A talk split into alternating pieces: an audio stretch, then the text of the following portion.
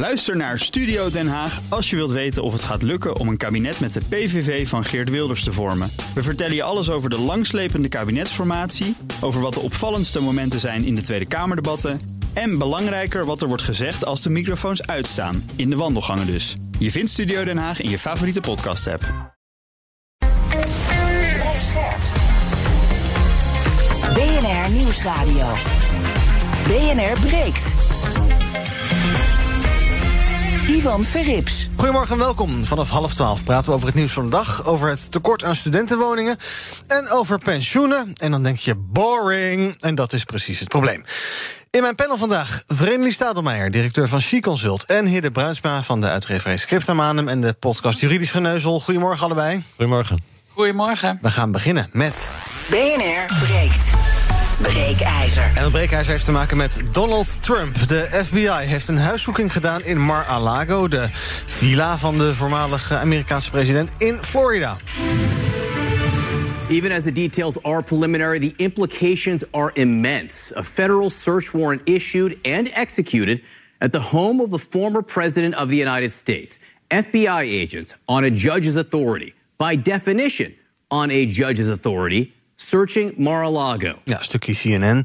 Het is nog niet formeel duidelijk waarom die villa doorzocht werd. Volgens Amerikaanse media heeft het allemaal te maken met vertrouwelijke documenten die Trump heeft meegenomen bij zijn vertrek uit het Witte Huis. Trump die vindt die onaangekondigde inval onnodig en ongepast. Hij beschuldigt de radical left Democrats ervan hem kosten wat kost ervan te willen weerhouden zich kandidaat te stellen voor het presidentschap in 2024. En de vraag die wij zo meteen stellen in BNR breekt nu stellen is: heeft Trump gelijk? Werken de Democraten hem bewust tegen? Of probeert hij op slinkse wijze de aandacht af te leiden en stelt hij zich ook een beetje aan? Ons breekijzer vandaag. De inval in Mar-a-Lago is een actie om Trump dwars te zitten. Wat denk jij? Pak je telefoon en bel naar 020 468 4 keer 0 020 468 4 keer 0 Je kan ook van je laten horen via Instagram. Uh, zoek even naar BNR Nieuwsradio. Vind je ons daar, kan je daar stemmen. Maar het leukste is als je even belt. 020 468 4 keer 0 Zometeen hoor je hoe mijn twee panelleden erover denken. Maar ik begin bij Amerikanist Koen Petersen. Goedemorgen, Koen. Goedemorgen. Ja, de inval in Mar-a-Lago is een actie om Trump dwars te zitten. Wat denk jij? Nou ja, het is uh, in het uh, gepolitiseerde politieke klimaat in Amerika uh, natuurlijk al snel het beeld dat Republikeinen en Democraten elkaar permanent lastig zitten. Hè. Die staan bijna op voet van oorlog met elkaar. het is heel erg uniek dat een woning van een oud-president door de FBI, de federale politie, wordt doorzocht. Dat is werkelijk nooit eerder gebeurd. En er is altijd wel toestemming nodig van een federale rechter voordat zoiets mag. En de FBI moet dan wel aangeven bij die rechter hoe sterk de aanwijzingen zijn dat zo'n huiszoeking ook iets oplevert wat op een andere manier niet boven water kan worden gehaald. Dus het is te begrijpen dat mensen zeggen dat dit een poging is van de Democraten om de Republikeinen dwars te zitten. Maar een federale rechter heeft er wel zijn toestemming voor gegeven. En dat geeft wel aan dat er toch wel aanwijzingen zijn dat er iets uh, te halen valt. Mm -hmm. En daarnaast is het ook ongelooflijk belangrijk te realiseren dat de minister van Justitie en zijn departement en de FBI hier een heel groot risico mee nemen. Want op het moment dat ze een huiszoeking doen en er komt niks boven water, dan krijg je ook inderdaad de beschuldiging dat het een politieke actie is geweest. Dus ze moeten heel zeker van hun zaak zijn geweest voordat ze tot deze drastische en unieke actie zijn uh, overgegaan. Ja, um, dat verhaal over die documenten, dat uh, horen we via Amerikaanse media. We hebben nog niks gehoord van bijvoorbeeld verantwoordelijk aanklager of iets dergelijks. Is dat niet onverstandig dat die nog niks gezegd heeft? Want dat voedt natuurlijk enorm de speculatie. En waarom is daar geen, uh, geen helderheid over waarom ze daar bij Trump binnen zijn gevallen? Ja, de FBI doet nooit mededelingen over dit soort acties. En het zou heel gek zijn als in het verband van Trump uh, dat wel zou zijn uh, gebeurd. Wat we wel weten is dat het Nationaal Archief uh, in Amerika al eerder aan de bel heeft getrokken dat niet alle informatie die in Trumps Witte Huis rondging, ook volgens de richtlijnen en de wetten gearchiveerd is. Amerikaanse presidenten zijn verplicht om alle documenten die ze hebben. Het kunnen kladjes uh, zijn van speeches, uh, gedachtenkrabbels, maar ook officiële he, speeches, wetten, dat soort zaken. Uh, die moeten allemaal worden overgedragen aan het Nationaal Archief, want die zijn daar eigenaar van. Het is geen persoonlijk bezit van de president. Nou, Trump heeft toch nog verschillende helikopters gevuld met dozen die hij naar Mar-a-Lago heeft gestuurd. Uh, dus uh, Trump heeft zich wel niet uh, aan die regels gehouden. Mm -hmm. En naar verluid schijnt er ook vertrouwelijke informatie nog bij te zijn. Bijvoorbeeld correspondentie met de Noord-Koreaanse Noord leider Kim Jong-il met wie die destijds ook nog warme banden onderhield. Mm -hmm. Dus er is wel wat aan de hand. Maar of dat zo'n drastische inval rechtvaardigt, ja, dat zou moeten blijken uh, met wat er in het net blijft hangen. Ja, en we moeten het zo meteen nog even hebben over het toilet van Donald Trump. Daar zullen we het zo meteen nog eventjes over hebben. Eerst nog een rondje panel. Kijken hoe panelleden erover denken. Is dit nou een ja, politieke actie of zit Trump zich enorm aan te stellen... en moet hij daar eens mee ophouden? Um, nou, Friendly, zeg het maar. Ons breekijzer, de inval in Mar-a-Lago... is een actie om Trump dwars te zitten. Ja, dat lijkt mij niet. Uh, um, ik denk dat het eerder andersom is. Als, he, dat het een politieke daad zou zijn als ze niet zouden ingrepen. Hij heeft iets gedaan, kennelijk wat niet mag. Die documenten ontvreemd. Die moet hij teruggeven. Dat doet hij niet. Nou, dan krijg je een inval. Uh, uh, dus, dus en, en, op het moment dat je dat niet zou doen, uit angst van wat er wel niet gezegd kan worden en hoe erop gereageerd gaat worden in het Republikeinse kamp, uh, ja, dan heb je, dan heb je een politieke daad. Ja. Dit is gewoon uh, uh, de wet uitvoeren. En uh, ja, dat vindt hij niet fijn. dan zal er wel wat te halen zijn, denk ik dan ook. Mm -hmm. dus, en, en ik ben het met Koen, Koen eens. Ik denk dat ze, dat ze heel zeker van hun zaak zijn, want anders ga je dat niet doen. Nee, dat is een soort ja, ja, dat, levensgevaarlijk. Heel, ja, dat is, levens, ja, dat is ja. levensgevaarlijk. Dat is ook voor de Republikein of voor de, de Democraten levensgevaarlijk. Dus ik denk dat ze echt heel zeker zijn dat daar wat te halen is. Mm -hmm. Dat daar dingen niet zijn gegaan zoals het zou moeten. Hè, dat hij strafbaar feit heeft gepleegd. Ja, dan moet je ingrijpen, kan je niet laten lopen. Nee. Ook, ook niet bij een voormalig president. Nee, nou, ik zal meteen nog even bespreken of hij inderdaad nog een soort uitzonderlijke positie heeft. Maar daar hebben we het zo wel over.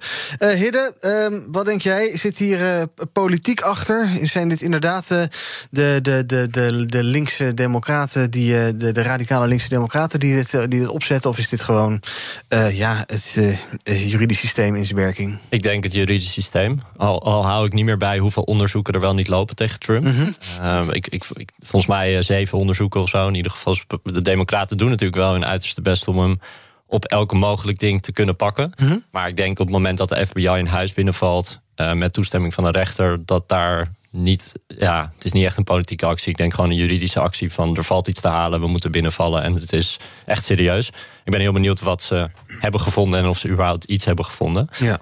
Um, ik was ook nog benieuwd, Koen, want de, de directeur van de FBI is volgens mij ooit aangesteld door Trump, toch? Ik weet niet of jij dat weet. Ja, de, ja.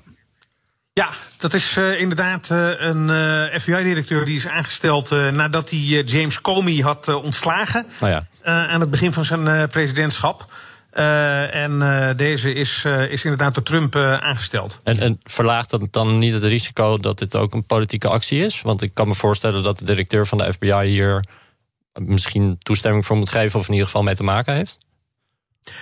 Ja, wat wordt verondersteld, gelet op de gevoeligheid, is dat zowel de FBI-directeur als ook de minister van, Justitie, die daar weer de baas van is, uh, betrokken moeten zijn geweest bij dit besluit vanwege die enorme gevoeligheid die er ligt. Dus die zal er ongetwijfeld ook wel iets van uh, gezegd hebben. Wat precies, dat is niet bekendgemaakt. Nogmaals, omdat de FBI daar geen mededelingen over doet. Maar bij Trump heb je wel gezien dat hij ongelooflijk veel mensen heeft benoemd die daarna in zijn vijandenlijst terecht zijn uh, gekomen. Dus op zichzelf is een benoeming door Trump niet een teken dat daarna alles uh, onder dezelfde vlag wordt uh, uh, gevoerd. En er zijn dus meer mensen die op voet van oorlog met Trump zijn komen te staan. Dat geldt niet voor deze man. in ieder geval niet in, de, in, in wat ervan bekend is. Mm -hmm. Maar een benoeming door Trump betekent niet dat iemand ook meteen loyaal is en daarmee ook die politieke angel eruit is uh, gehaald. Laten we eens kijken naar onze bellers. Ons breekijzer. De inval in Mar-a-Lago is een actie om Trump dwars te zitten. Wat denk jij? 020 468 4 0 is ons telefoonnummer als je zo wil meepraten in de uitzending. John hangt het langst. Goedemorgen, John. Ja, goeiedag. Zeg het maar. Ik denk dat als Trump zijn gebleven... of dan denk ik dat Amerika uit elkaar zou gaan vallen. Dat er een complete anarchie uit zou breken. Ja, maar dat, weten, dat moeten mensen die daar verstand van hebben, moeten dat toch weten. Dat, uh, dat als, weer Trump aan de macht zou komen, dat er, want ze willen hem ook beschermen. Hè. Ik hoorde ook van, uh, dat de gewapende milities, uh, Trump-stemmers en noem maar op, dan het recht in eigen hand gaan nemen. En dat is alleen maar het voordeel van Poetin, maar dan wordt Amerika zwakker. Hm. Dus wat zeg jij? dit soort onderzoeken maar een beetje terughoudend mee zijn? Of, of juist niet? Nou, tot het een komt het andere. En dat zie je dan met, uh, met, die, met die Nancy uh, Huppelepup, hoe heet ze? Uh, die naar Thailand, hoe heet het, naar Taiwan is gegaan. Mm Maar je moet misschien wel voorzichtig zijn met bepaalde dingen, ja. Ja, duidelijk. Dank voor het bellen. Fred, goedemorgen. Goedemorgen met Fred van der Laar. Hallo Fred, zeg het ik maar. Vind het, ik vind het ongewenst dat er is ingevallen in de, in de villa van de voormalig president. Mm De voormalig president, ook al maakt hij grote fouten, ernstige fouten, ook hij verdient rechtsbescherming. En ik vraag me af, want we hebben daar helemaal geen inzage in gehad, in wat daaraan vooraf is gegaan wat betreft het opeisen van alle spullen. Uh, dus de hele, dat hele voorstuk, dat weten we niet. Mhm. En uh, dus die man verdient rechtsbescherming en die moet daar tegen in beroep kunnen gaan uh, tegen dit soort acties. Ja, maar hij heeft... is iets fout. Ja, maar hij heeft natuurlijk advocaten, ik denk wel meerdere. En ja, als hij ergens van verdacht wordt, dan zal hij aangeklaagd worden. En dan kan hij zich gewoon verdedigen in een rechtbank, toch? Dus dat is dan toch wel redelijk geregeld? Of vermoed jij dat er... Wij weten, wij weten helemaal niet wat er aan vooraf is gegaan. Ja.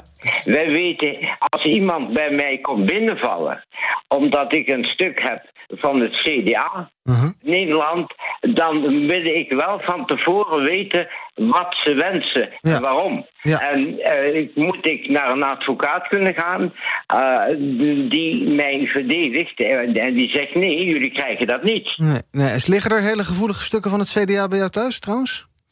Ja. Oh, nou, dat is goed om te weten alvast. Dan, uh, duidelijk, dank, dank voor het bellen, Fred. Uh, we gaan niet... inderdaad hier. Ja, nou, we gaan, uh, we gaan niet binnenvallen, hoor. Maak je geen zorgen. Dank voor het bellen. En tot slot van dit blokje even Andries. Goedemorgen. Andries? Oh, nou, Andries is even pleiten, denk ik. bel nog even terug als je dit hoort. 020 468 4 keer 0 Ik geloof dat je ook een vraag voor Koen had. Um, Zometeen dus Andries, als het een beetje mee zit. BNR breekt. Ivan Verrips. Met in mijn panel Hidde Bruisma van de uitgeverij Scriptamanum... en de podcast Juridisch Geneuzel. Verenigde Stadelmeijer, zij is eh, van She Consult... en ook bij me is Amerikanist Koen Petersen. En we praten over ons breekijzer. De inval in Mar-a-Lago is een actie om Trump dwars te zitten. Wil je reageren aan 020 468 4 keer 0 dus 020 468 4 keer 0 uh, Koen, we denken wel redelijk zeker te weten... dat Trump uh, hint daar ook regelmatig op... dat hij in 2024 weer mee wil doen. Uh, heeft, ja, de, bij het ministerie van Justitie is een beetje het dogma van... we vervolgen geen zittende presidenten. Maar hoe zit dat voor ex-presidenten? Komt zijn nou ja, eventuele herkandidatuur nog in gevaar... als er daadwerkelijk iets bewezen of aangeklaagd of veroordeeld zou worden? Ja, dat zou kunnen. Juristen zijn het er niet, uh, niet over eens. Er is een uh, wet die bepaalt dat een president alle spullen die hij heeft uh, verzameld moet overdragen aan het Nationaal Archief. En er is een andere wet die bepaalt dat een president niks mag vernietigen. En Trump het ook gebruikt om alles in de shredder te gooien. En zijn medewerkers die hebben ongelooflijk veel plakband moeten gebruiken om verscheurde en versnipperde documenten weer aan elkaar te plakken om maar aan die wetgeving te voldoen. Maar daar staan niet echt hele harde straffen op. Maar op het moment dat je ge, uh, vertrouwelijke informatie uh, bewaart op plekken waar dat niet hoort, mm. bijvoorbeeld in een uh, verhuisdoos in Mar-a-Lago, dat, dat je dan wel gevangenisstraf kunt krijgen. En ook dat je niet meer verkiesbaar mag zijn voor federale politieke functies. En als Trump veroordeeld zou worden hiervoor op basis van die wet, wat dus niet die presidentiële wet is, maar een wet van hoe mensen met vertrouwelijke informatie moeten omgaan. Mm dan kan het zomaar een consequentie zijn dat hij zich niet meer voor het presidentschap kan uh, uh, opwerpen. Maar omdat rechters daar nog niet een uitspraak over hebben gedaan, omdat die situatie zich nog nooit heeft voorgedaan, uh, is het heel lastig om te beoordelen als dat een juridisch gevecht wordt, hoe dat dan uiteindelijk uitpakt. Ja. En daar zijn de juristen in Amerika het niet, het niet over eens. Dus dat zou heel spannend worden. De kans bestaat, maar het is zeker geen gelopen race dat dat ook inderdaad het geval uh, zal zijn. Ja, interessant. Vrenelie, uh, nog uh, drie maanden tot de midterms in de VS. Dan komt nu vandaag, of eigenlijk gisteren, deze, deze inval. hadden ze daar misschien niet beter even mee kunnen wachten tot ja, dat voorbij is, tot duidelijk is of Trump daadwerkelijk nog een keer meedoet? ja, hoe groot is nou de urgentie? Ja, maar dan dat... maak je er een politieke daad van ja. als je dat gaat doen. Als je daar dus rekening mee gaat mm -hmm. houden. En dit is gewoon volgens mij, maar ja, een, een, een, een, een, een, een legaal of een, een juridisch ding. Mm -hmm. Dus ik, ik ja, op het moment dat je daar rekening mee gaat houden, dan wordt het een politieke actie. En dat moet je gewoon niet, niet doen. Ja. Maar volgens mij zijn er ook twee dingen. Dat, maar dat weet Koen denk ik beter dan ik. Het is één dat hij die vertrouwelijke informatie uh, heeft meegenomen en ergens bewaard waar, het, uh, waar hij het niet zou moeten bewaren. Maar twee, daar zullen ook dingen in staan die belastend voor hem zijn. Misschien in, in alle andere procedures die tegen hem lopen. Nou ja, Koen zei al, het gaat natuurlijk om, in ieder geval, het verhaal is ook om vertrouwelijke informatie. Dus weten we inderdaad waarover? Ja, Kim Jong-un dus en verder? Ja, het is niet bekend wat, uh, wat die vertrouwelijke informatie is, anders zou dat ook op straat komen ja. te liggen. Ja. Dus het is, dat, daar wordt over, uh, over, over gespeculeerd. Uh, maar dat het gaat om informatie die daar niet hoort uh, te zijn, dat is duidelijk. En die meneer die zojuist nog belde met al die vertrouwelijke stukken in zijn uh, bureaula, mm -hmm. die gaf aan dat Trump gewaarschuwd had moeten worden. Maar Trump is ook gewaarschuwd vooraf. In de zin dat het Nationaal Archief heeft met Trump overleg gevoerd over het terugkrijgen van die dozen. Want die werden bij de telling van de spullen gemist. En een deel daarvan is ook teruggegeven. Maar blijkbaar is er informatie dat dat niet alles is. En ik vermoed dat dat dan uiteindelijk tot die inval heeft geleid. Want de hele discussie over heeft Trump alles ingeleverd of staan er nog dingen in Mar-a-Lago die er niet horen, dat is een discussie die al sinds januari speelt en dus niet als een uh, uh, konijn uit de hoed komt uh, springen. Ja. Koen, is maar, niet een maar beetje... dan als, als hij een beetje slim is, dan heeft hij dat natuurlijk daar niet bewaard. Dan huurt hij een box ergens, weet ik veel, bij Surecards en zet hij daar neer. Ja, ja, dat, Ja. Ja, dat vroeg ik me ook af, inderdaad. Is, Ja, ja. hoe slim is die? Hoe slim en is ook, het om ja. dan die dozen daar te Ja, laten nou, ik geloof dat uiteindelijk al wel aangewezen is waar spullen staan en dergelijke. Maar goed, eh, Republikeinen zijn er als de kippen bij om te reageren natuurlijk. Ik zag op sociale media allemaal reacties van eh, eh, keurige dingen als eh, het is problematisch... tot de teksten als het is een, dit is een corrupt land... en de FBI is de vijand van de mensen, deep state, on-Amerikaans, dat soort zaken. Ik hoor geen lied diep zuchten. Eh, eh, Hidde, wat denk jij als je dat ziet? Is dit de typische doorgeslagen Amerikaanse politiek? Ja, ik, als ik naar dat land kijk, dan. Ik, weet, niet, ik vind het wel ernstig hoe die mensen elkaar de tent uitvechten. Eh, als de FBI nu bij Hillary Clinton was binnengevallen, hadden ze het waarschijnlijk toegejuicht. Eh, dus ja, ik weet niet zo goed. Ik, ze hebben gewoon niemand anders dan Trump, de Republikeinen. In ieder geval, daar lijkt het op. En ze doen alles daaraan om die man eh, te steunen. Eh, dus ja, ik, ik vind het wel ver gaan om de FBI eh, de vijand van de mensen te noemen. Almier, goedemorgen. Almier, zeg het maar. Goedemorgen. Ja, ik denk dat het deels een, een, een, een politieke daad is. Ik denk dat Trump die, die, die vertrouwelijke documenten gewoon moet, eh, moet afdragen. Maar daarnaast denk ik ook dat de FBI misschien wel op, een andere manier had kunnen doen. En ik, ik weet niet of ze het ook op deze manier zouden doen als het eh, een demo zou zijn. Ja. Ehm, want, eh, en dat is mijn vraag aan Koen. Ehm, de FBI ligt in Amerika nu, geloof ik, best onder vuur. Omdat ze de laptop van Hunter Biden ehm, ook een, een, een tijdje uit de media of uit de aandacht hebben gehouden. In verband met de, de verkiezingen. Mhm. Ehm, ja, en het lijkt er een beetje op alsof ze dat, eh, alsof ze dat expres hebben gedaan. En ik, ik was eigenlijk benieuwd of Koen daar misschien iets meer over kon vertellen. Koen, Hunter Biden, vertel. Ja, wat je ziet is dat de FBI eigenlijk al sinds de verkiezingen van 2016 onder vuur ligt. omdat ze politiek bijzonder zichtbaar en onhandig opereren. Ze hebben destijds uh, onderzoek naar Hillary Clinton geopend. Dat weer gesloten en vlak voor de verkiezingen opnieuw geopend met die, met die verdwenen uh, e-mails. Dat heeft Hillary Clinton schade toegebracht. En zij zegt dat zij daardoor de verkiezingen verloren heeft. Of dat waar is, weet ik niet. Maar het is in ieder geval wel een, een, een factor geweest. Daarna kwam het hele onderzoek naar Trump over de vraag of hij door de Russen was geholpen bij de verkiezingen. Daar heeft de FBI ook bijzonder slordig geopereerd en al snel het vizier op Trump geopend. Terwijl er uiteindelijk van samenwerking tussen Trump en de Russen uh, niks aantoonbaars is, uh, is geweest. De Hunter Biden laptop is een verhaal dat bij een computerreparateur een laptop is ingeleverd die naar verluid van de zoon van Joe Biden zou zijn. Dat was tijdens de campagne. Daar stonden allemaal compromitterende zaken op, met name ook uh, informatie dat Joe Biden als vicepresident zijn zoon had geholpen zaken te doen en rijk te worden in uh, Oekraïne en, en China. Dat is door de media compleet genegeerd. En dat werd en door de FBI niet opgepakt. En daarvan werd weer gezegd: ja, de FBI heeft politieke oogkleppen op. Mm -hmm. En nu zie je weer dat ze opereren op een manier die tot veel politiek tumult leidt. Um, vroeger was de FBI een, een, een, macht op de achtergrond die uh, geloofwaardigheid had, omdat ze niet zichtbaar waren, maar wel dingen deden. En nu zie je dat hun zichtbaarheid wel heel erg vergroot is. Uh, en dat ondermijnt wel de geloofwaardigheid van de FBI. Uh, even los van de vraag of die specifieke onderzoeken nog goed zijn uitgevoerd of niet. Maar de FBI hoort veel minder in het oog van de storm te opereren. En daar zie je wel dat ze veel minder politieke antenne lijken te hebben dan zeg twintig jaar geleden. Ja. En nadat dat nieuws over die inval naar buiten kwam, waren er gelijk op straat bij Mar-a-Lago allemaal Trump-supporters. En uh, ja, je zag dan gelijk overal de vrachtwagens met uh, Trump 2024 en dergelijke vandaan komen. En dan hoor je dit soort teksten. The election is rigged.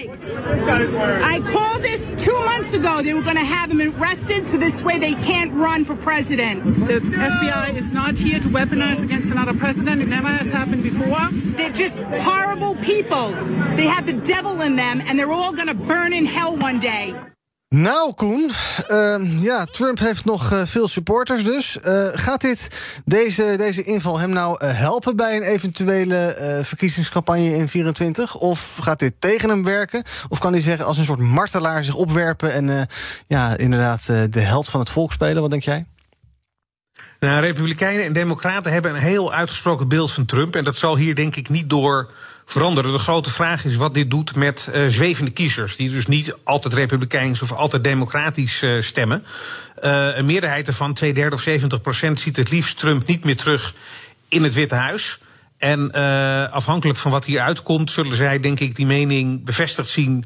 Uh, of daar misschien nog eens een keer naar, naar kijken. Maar de vraag is vooral wat het met uh, die onafhankelijke kiezers gaat doen. Wat wel gevaarlijk is en zorgelijk is dat. Um, uh, deze uh, mensen ook aangeven dat ze desnoods met wapens Trump zullen gaan verdedigen. En dat past in een, in een bredere zorgelijke trend. Dat best wel veel Amerikanen hebben gezegd dat ze bereid zijn om de wapens op te pakken. als ze het idee hebben dat de democratie wordt gestolen. Mm. En dat leken altijd loze beloftes. Totdat we bij de bestorming van het kapitool hebben gezien dat mensen echt bereid zijn om met een soort dierlijk instinct heel ver te gaan. En dit gooit wel olie op het vuur. Dan zal de situatie in Amerika niet heel veel rustiger maken. Koen Peters, heel veel dank dat je erbij was het afgelopen half uur. Ons breekijzer. De inval in Mar-a-Lago is een actie om Trump dwars te zitten. Op Instagram kan je nog de hele dag stemmen. Daar is het nu 60% het mee oneens. Je kan daar nog de hele dag van je laten horen. En dat verhaal van het toilet is dus dat hij ook af en toe uh, ja, dingen verscheurde, in de play gooide. Er zijn inmiddels ook foto's van te zien. Bijvoorbeeld bij Axios. Dan zie je een toilet en dan liggen daar briefjes in met uh, teksten erop. En dat zou dan dus door uh, Trump verscheurd en in de play zijn gegooid. En dan uh, ons verstopt het toilet en dan maakt iemand er foto's van. Het is nogal een verhaal. Als het niet echt was, was het een soap geweest. Oké, okay, zometeen ga ik verder praten met uh, Hidde en Vreneli. En dan praten we over het nieuws van de dag. Over het tekort aan studentenhuisvesting en het P-woord. Pensioenen. Iedereen vindt dat bokken saai. En dat is precies het probleem. Zometeen bij BNR Breekt. Ook Diana Matroos vind je in de BNR-app. Ja, inderdaad. Je kunt live naar mij luisteren tijdens de Big Five. Ook handig in de BNR-app. Breaking nieuwsmeldingen, maar ook het allerlaatste zakelijke nieuws. En je vindt in de app alle BNR-podcasts, waaronder Wetenschap Vandaag. Download nu de gratis BNR-app en blijf scherp. Blijf scherp. BNR Nieuwsradio. BNR breekt. Ivan Verrips. Ja, hallo en welkom terug. In mijn panel vandaag Hidde Bruinsma van de podcast Juridisch Geneuzel... en Vereniging Stadelmeijer, zij is directeur van She Consult. En wij gaan praten over het nieuws van de dag. Te beginnen met uh, studentenwoningen. Dit jaar zijn er weer tienduizenden te weinig, schrijft het Algemeen Dagblad. Het uh, kenniscentrum Studentenhuisvesting, Kenses, start, schat dat we zo'n 26.500 studentenwoningen tekort komen dit jaar. Ongeveer evenveel als vorig jaar, maar het tekort loopt de komende jaren waarschijnlijk op tot 60.000. En ook zijn studenten gemiddeld bijna de helft van hun inkomen kwijt aan huur. Uh, universiteiten en het ministerie van Onderwijs komen dit jaar met een landelijk actieplan studentenhuisvesting. En daar gaan we eventjes eh, vast op vooruitlopen. Hidde, wat zou erin moeten staan? Uh, ja, ik bedoel, ja, we moeten gewoon huizen gaan bouwen. Ja, en er moeten ook studenten, of moeten we campussen gaan doen? Of vertel. Nou, volgens mij zijn het niet alleen studenten die woningen zoeken natuurlijk. Dus, iedereen zoekt woningen. Iedereen zoekt woningen. Um, hoe, was dat, hoe was het eigenlijk in jouw studententijd? Ik heb thuis gewoond. Je hebt thuis gewoond? Ja. En, en dat was prima? Nou ja, god, ja, uh, ja best, ja. ja. Ik heb mijn hbo-opleiding gedaan en toen uh, een, een, beetje op en neer gependeld van Gouda naar Utrecht. En was prima. Ja. ja. Ja. wat moet erin staan? Um, ik... Of moeten we accepteren dat jongeren gewoon vaker thuis wonen? Kan ook. Nou ja, dat is nu wel de trend die, die je ziet gebeuren natuurlijk. Dat jongeren steeds langer blijven thuis wonen. Op mhm. zich is dat misschien niet zo'n probleem. Maar ik denk wel dat het op een gegeven moment heel goed is dat je op jezelf woont. Want volgens mij leer je daar een heleboel van. Dus ik denk wel, ja, ik vraag me af hoe wenselijk het is als je bijvoorbeeld op je 24ste nog thuis woont. Ja. Ik zou toch wel zeggen, als je 18, 20 bent, dat je dan lekker, lekker het huis uit gaat. Ja, ik, ik heb geen idee eigenlijk. Ja, je kan zeggen bijbouwen. Misschien dat universiteiten meer het heft in eigen handen moeten nemen. Panden moeten opkopen in de buurt van de universiteiten. Volgens mij heb je bij de VU heb je uilensteden. Daar is een heleboel huisvesting voor studenten. Ik heb het idee dat daar wordt samengewerkt met de universiteit. Mhm. Ehm, maar ik weet ook niet hoe makkelijk dat is voor universiteiten of hogescholen om dat voor elkaar te krijgen. Maar ja, dat er iets moet gebeuren is duidelijk. Ja, en dus misschien accepteren dat je ook wat verder weg woont. Als je in Utrecht studeert, dat je dan uh, uh, niet in Utrecht woont. Ja, maar, maar ik las verhalen van mensen die dan in Zeeland wonen. Ja. Die willen in Amsterdam studeren en die zitten dan 4,5 uur in de trein. Ja, maak je wel goed gebruik van je studenten-OV, dat wel. Dan moet je misschien zeggen, ga dan maar niet in Amsterdam studeren. Ja. Vereniging, help ons eens. Nou ja, uh, toen ik 43 jaar geleden ging studeren, had je dit probleem al. Dus het, eh, ja, uh, het is, uh, ja, dat is een probleem van alle tijden, denk ik. En het hangt inderdaad nu ook zeker samen met het überhaupt tekort aan woningen.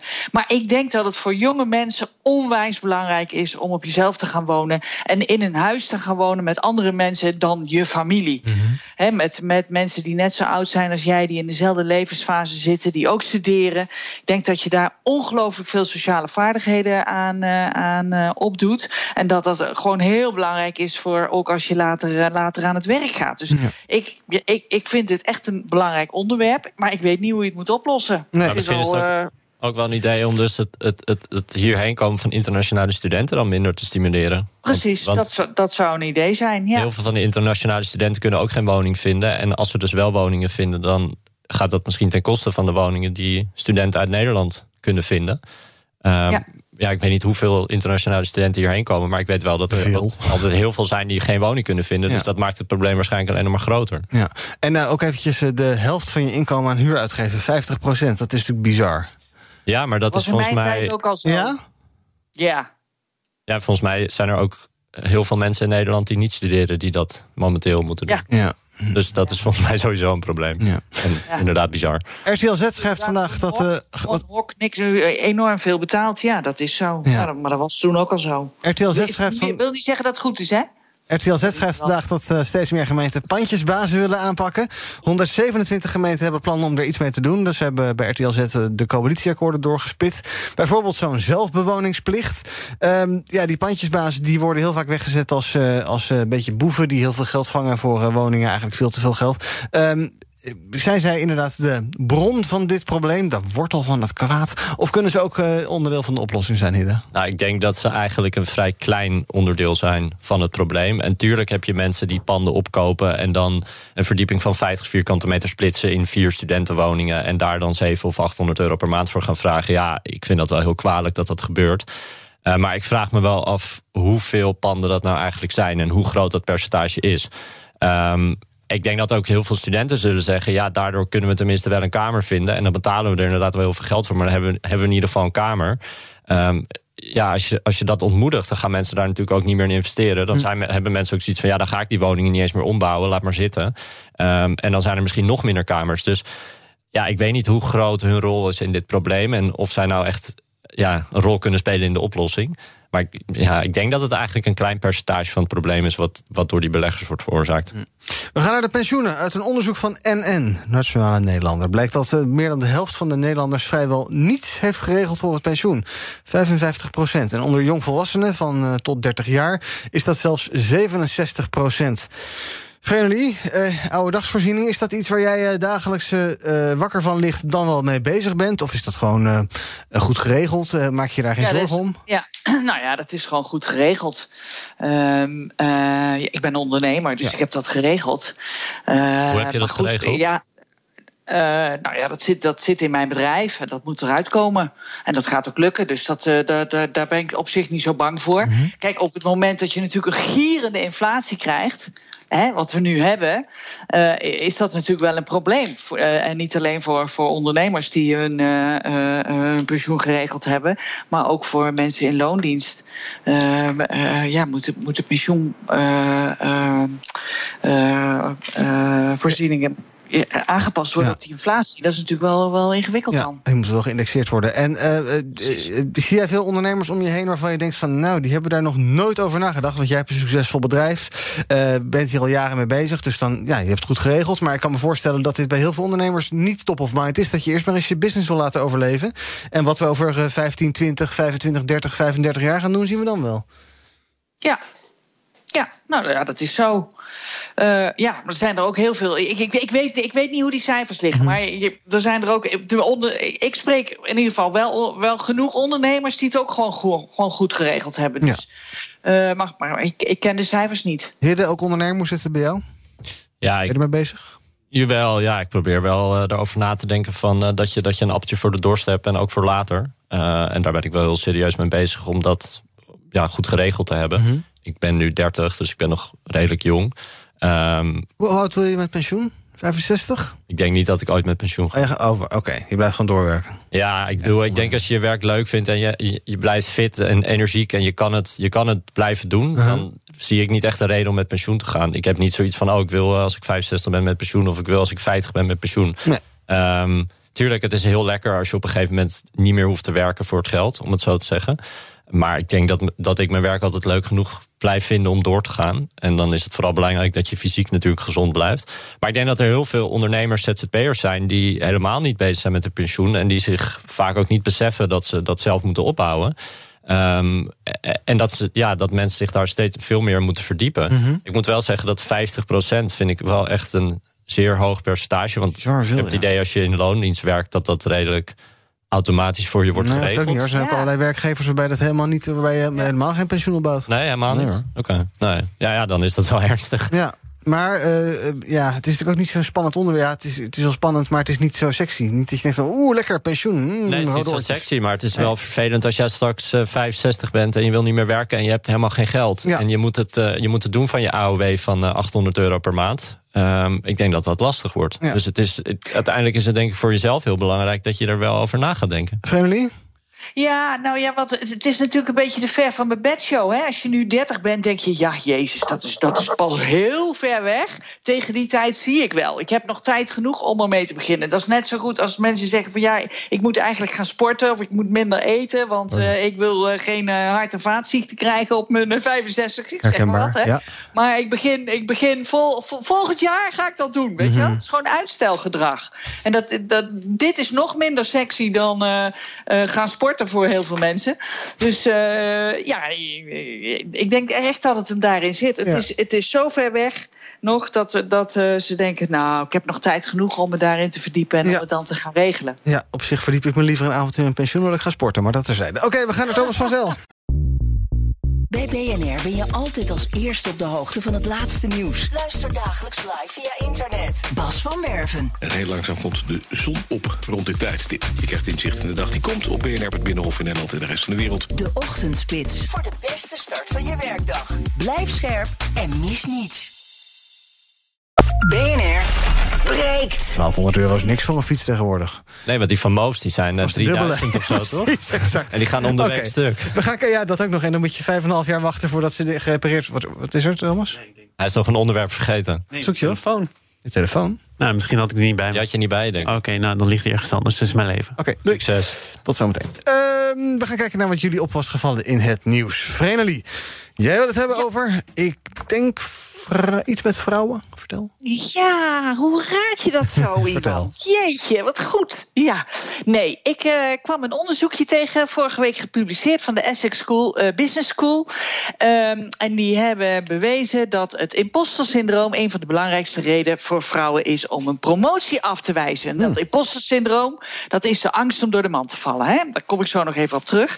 Hè, daar heb ik een boek over geschreven, Fuck die onzekerheid.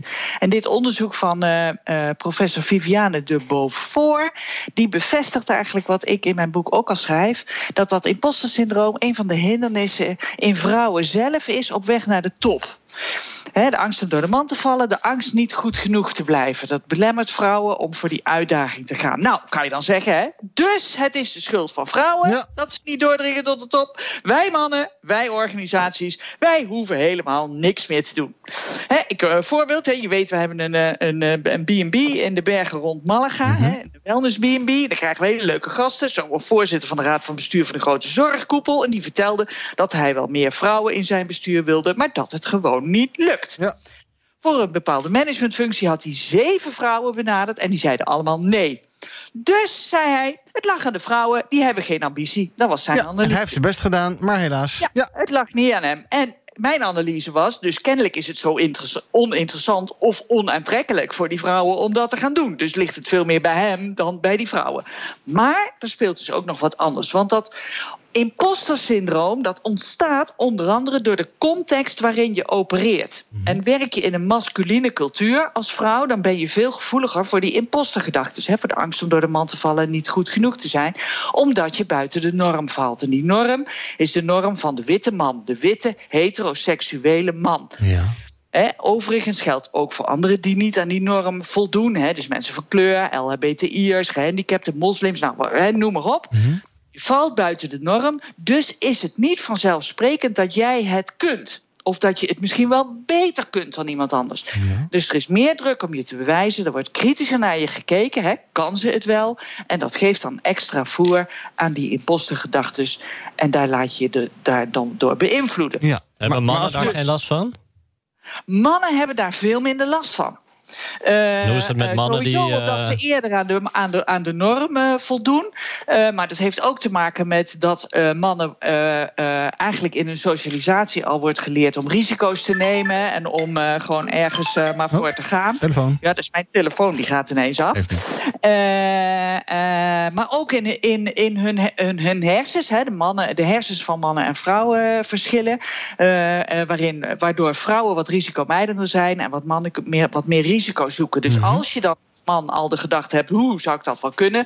Dan komt er al heel snel zoiets overheen. What the fuck, ik doe het gewoon. Laat maar gaan en we zien wel waar het schip strandt. Terwijl vrouwen denken, oeh, laat ik het maar niet doen. En zouden vrouwen niet ook wat vaker moeten denken... joh, what the fuck, ik doe het gewoon. En, eh, Ja, ja. maar precies. Dus vrouwen moeten leren hun impostergedachten te handelen, zodat ze die niet meer belemmeren. En mannen, hè, die de, de, de allies van vrouwen zijn, Mhm. hè, die kunnen hun daarbij helpen. Die kunnen hun bij helpen in dat proces. En organisaties kunnen eraan bijdragen door meer vrouwen en mensen van kleur, et cetera, et cetera, op bepaalde posities te benoemen, zodat de norm verandert van witte heteroseksuele man naar mens. Ja, en dat ook een beetje te stimuleren. En dus niet te denken, ik heb eh, één, één poging gedaan, het lukte niet... en we zetten weer iemand Precies. neer die er voorheen ook zat. Ja, ik snap het. Oké, duidelijk. Ehm Hidde, ehm, jij wil het hebben over ehm, mensen, eh, ook over eh, vrouwen eigenlijk. Ook over Eh, vrouwen. of- ja.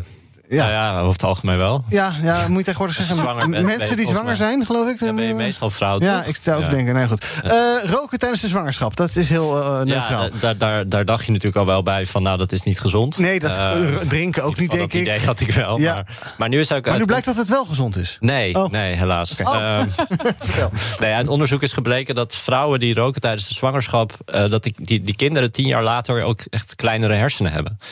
Oh. Ehm, en, en dan is het nog niet helemaal duidelijk wat kleinere hersenen nou vervolgens voor gevolgen hebben. Maar je kan wel algemeen aannemen dat als je kleinere hersenen hebt, dat je IQ wat lager is en dat je eh, ook grotere kans hebt op gedragsproblemen. Eh, en dat is een onderzoek gedaan in Rotterdam, waar ze eh, jarenlang kinderen gaan volgen. En die blijven ze dus ook de komende jaren volgen. Dus ze kunnen dan nog gaan, gaan zien van wat, wat gaat er verder gebeuren met die hersenen. Herstelt zich dat misschien weer als ze twintig zijn? Ehm, maar nu blijkt dus wel dat als je dus rookt tijdens de zwangerschap... en volgens mij 8% van de vrouwen die doet dat, Mhm. dus dat is best wel veel... dat dat echt invloed heeft op je kind. Ja. En dat vond ik best wel shocking om te lezen. Ja, maar wat moet je met die kennis? Want, eh, Nou, ja. stoppen met roken. Ja, dat snap ik, maar dat is makkelijker gezegd dan gedaan natuurlijk. Ja, maar ik kan niemand wel- het wil. Ja, maar ik kan me wel voorstellen op het moment dat je zulke onderzoeken, eh, zulke resultaten ziet, dat je je wel twee keer gaat nadenken van hé, hey, misschien moet ik toch maar mijn best gaan doen om te stoppen. Ja. Ehm, Maar we zetten ook wel de goorste plaatjes pakjes en dat helpt ook niet. ja, maar misschien dat het wel helpt als het echt invloed heeft op je eigen kind. Ja. En dat je dat op zo'n duidelijke manier voorgeschoteld krijgt. Ja. Ehm, nou ja, en die gore plaatjes, dat is weer lange termijn. Hè? Dat is weer over 30 jaar krijg je longkanker. dat Maar gaat dit over is jezelf. gewoon jouw baby. Precies. Dit is jou, ja, precies. Dit is jouw baby. Die komt er straks uit en die, die heeft kleinere hersens. ja, dat is al na tien jaar. Dat is eigenlijk best wel kort. Ja. Ja. Zouden we niet even gewoon even een eh, wilde gedachte... als je eh, dronken mensen mag je geen alcohol voeren... Eh, zou je niet mensen die zwangere sigaretten moeten weigeren... bij wijze van spreken? Of gaan we dan wel heel ver in Ja, het de heel van ver, vrijheden? Ja. Ik, denk dat, ik denk niet dat, eh, dat dat er doorheen komt. Mhm. Ehm, maar ja, ik mag toch hopen dat, dat als je zwanger bent en je leest zoiets, dat je dan denkt van oké, ik, ik ga echt mijn uiterste best doen om te stoppen. Want het Ja. is gewoon echt super slecht voor mijn kind. Ja, vreemdeling moet toch überhaupt van die sigaretten af? Kom op zeg. Ja, gewoon sigaretten, Daar ben 50 ik euro het per pakje. eens. Ja. Ja, gewoon heel duur maken. Dan, eh, Snel afgelopen. Het kost ja, een- dan is het snel af. Wat kost, een, wat kost. wat kost een pakje in Spanje? Ik heb geen idee. Ik weet het niet. Ja, rook waarschijnlijk niet, dus ik heb geen idee. Dat dan duur zijn. Dat Alles is daar Ja. goedkoper, toch? bepaal betaalbaar. Al, ja, alles is daar goedkoper. Er wordt hier trouwens wel veel gerookt hoor. Ja? Dat Oh. valt wel op. Ja, er wordt ontzettend veel gerookt. En eh, ook op straat en zo. In Nederland zie je toch eigenlijk bijna nooit meer iemand op straat roken. Nou, hier, eh, Nou, ik geloof Ja, dat dat steeds meer, steeds meer jongeren weer gaan roken. Ja, Ja, het is toch nee, wel het een gaat beetje niet cool, hè? Nou, goed, oké. ehm, dus eh, tijdens de zwangerschap in ieder geval roken. niet roken. Sowieso Dat niet roken, maar drinken tijdens ook. de zwangerschap Ja, helemaal Oké, duidelijk. Ja. Nou, weer wat geleerd. Had mijn moeder dat maar geweten op tijd. Ehm, we gaan kijken wat er trending is op de socials. Natuurlijk, nee, die heeft niet gerookt tijdens de zwangerschap. Maak je geen zorgen. Natuurlijk, hashtag FBI, hashtag Trump. Allebei trending op Twitter vanwege de inval in huis in Mar-a-Lago. En dan is ook hashtag IND nog trending vanwege een artikel in Trouw vandaag. Rodia Maas, dat is de nieuwe directeur-generaal van het IND. IND zegt in het artikel dat in de toekomst misschien vaker het voordeel van de twijfel moet worden ge- gegeven aan asielzoekers. Wil ik toch even met jullie praten over eh, nieuws van de GGD's van vandaag. Eh, de horecasector namelijk, die maakt zich zorgen om de nieuwe grootschalige eh, vaccinatiecampagne die eraan komt. Volgende maand krijgen geloof ik 13 miljoen mensen een brief in de mat, op de mat dat ze weer een prik kunnen gaan halen. Maar de GGD's zoeken daarvoor mensen. En de horecasector en ook de reissector die zegt ja hallo, daar gaan we weer. Tijdens de pandemie gingen al die mensen bij de GGD werken. Dat was prima, want er viel niks te horeca en of te reizen. Maar nu ja, hebben die mensen gewoon werk en dan komen de GGD weer met hun zak belastinggeld. Die komen die mensen weer afpikken, zegt Robert Willemsen van Koninklijke Horeca Nederland in het AD. GGD Goor zegt zojuist tegen het ANP dat zij eh, dit, deze zorg snappen. En ehm, dat zij eh, ja, dus zelf ook te maken hebben met allerlei eh, per, krapte op de arbeidsmarkt. Nu wil ik even van jullie weten, Hidde, hoe moet die GGD daar, daar nou mee omgaan? Ze zijn op zoek naar duizenden mensen. Ja, het zou een beetje oneerlijk zijn als ze weer de horeca leegplukken, toch? Ja, ik denk niet dat ze daar echt een boodschap aan hebben. Oh. Ze moeten gewoon die mensen vinden. En ik denk dat ze die mensen gewoon vandaan gaan halen waar ze die mensen kunnen vinden. Ja, en dat, eh, dat zij lekker eh, concurrerende bedragen kunnen bieden met jou en mijn geld, dat is dan maar zo. Ja, dat, dat is dan maar zo. Ja, dan moet je als horecasector maar aantrekkelijker worden, of niet? Defensie. Ja, Wat? De, de, wat is eh, Defensie, maar? jij? Defensie weghalen. Bij Oh, Defensie? Ja, gewoon militairen inzetten. inzetten. Mili- Zo'n prik zetten is helemaal niet moeilijk. Dat kun je zo leren. Nou, gewoon defensie inhuren. Eh, eh, eh, laat die het doen. Die Ja, misschien regelen het mensen ook uit de zorg strak. die met pensioen zijn, die nog wat willen doen. Dus, dus je kan je wel voorstellen dat ze de mensen ergens vandaan kunnen halen, anders Ja. dan de horeca. Ehm, Ja. Maar ja, ze hebben er wel veel nodig. Ja, nou ja, en duizenden inderdaad. En eh, wat ook goed nieuws is, bij Defensie komt natuurlijk ook geld bij, miljarden. Ja. Dus daar zijn sowieso mensen nodig. Dus dan kan je ze nu aannemen, laat je ze eerst een paar maanden prikken... en dan gaan ze daarna echt het leger in. Nou, Toch? Buikplan. Nou, we hebben het weer opgelost. Oplossing. Misschien moet jij minister van Defensie worden, Ivan. Ja, dat lijkt me een uitstekend idee. Ik heb net als de huidige minister van Defensie ook totaal geen eh, militaire ervaring. Dan gaan we nog even hebben over Elton John. Die gaat een nieuw nummer opnemen met niemand minder dan... It's Britney, bitch. Ja, Britney Spears dus. Het wordt het eerste muziek die ze maakt sinds het einde van haar curatelen. Het nummer heet Hold Me Closer. En het is een remake van Tiny Dancer van Elton John. Ja, die Elton John doet dat wel slim, hè? Want die had ook met... eh, Dua Lipa een Dua Lipa, nummer. Dat volgens Ja. mij is dat al 1,2 miljard keer beluisterd op Ja. Spotify. is een enorme hit. Dus dit zal ook wel helemaal losgaan. Ja, het is wel een beetje, ja, toch stom vreemdelie dat, Els- dat eh, Britney Spears Spears dan weer een liedje gaan maken... en dan is het een remake van Elton John. Waarom niet gewoon een leuk liedje, een nieuw liedje van de Britney Spears zelf? Ja, vraag het aan haarzelf. Ja, bel er even op. Uh, Ja, ik heb de Ja, bel niet. er even op. eh, Wel de curator. eh, Ben je, ben je, zou je, ga je luisteren of niet? Britney Spears? Nee. nee. Oh, waarom niet? Hoezo niet? Ja, Als ja. het een lekker nummer is, ga ik wel luisteren. Ja. Ja. Tiny Dancer is goed nummer. Ja, niet helemaal van deze tijd, maar dat kunnen ze. En Elton John zal er vast ook niet slechter van worden.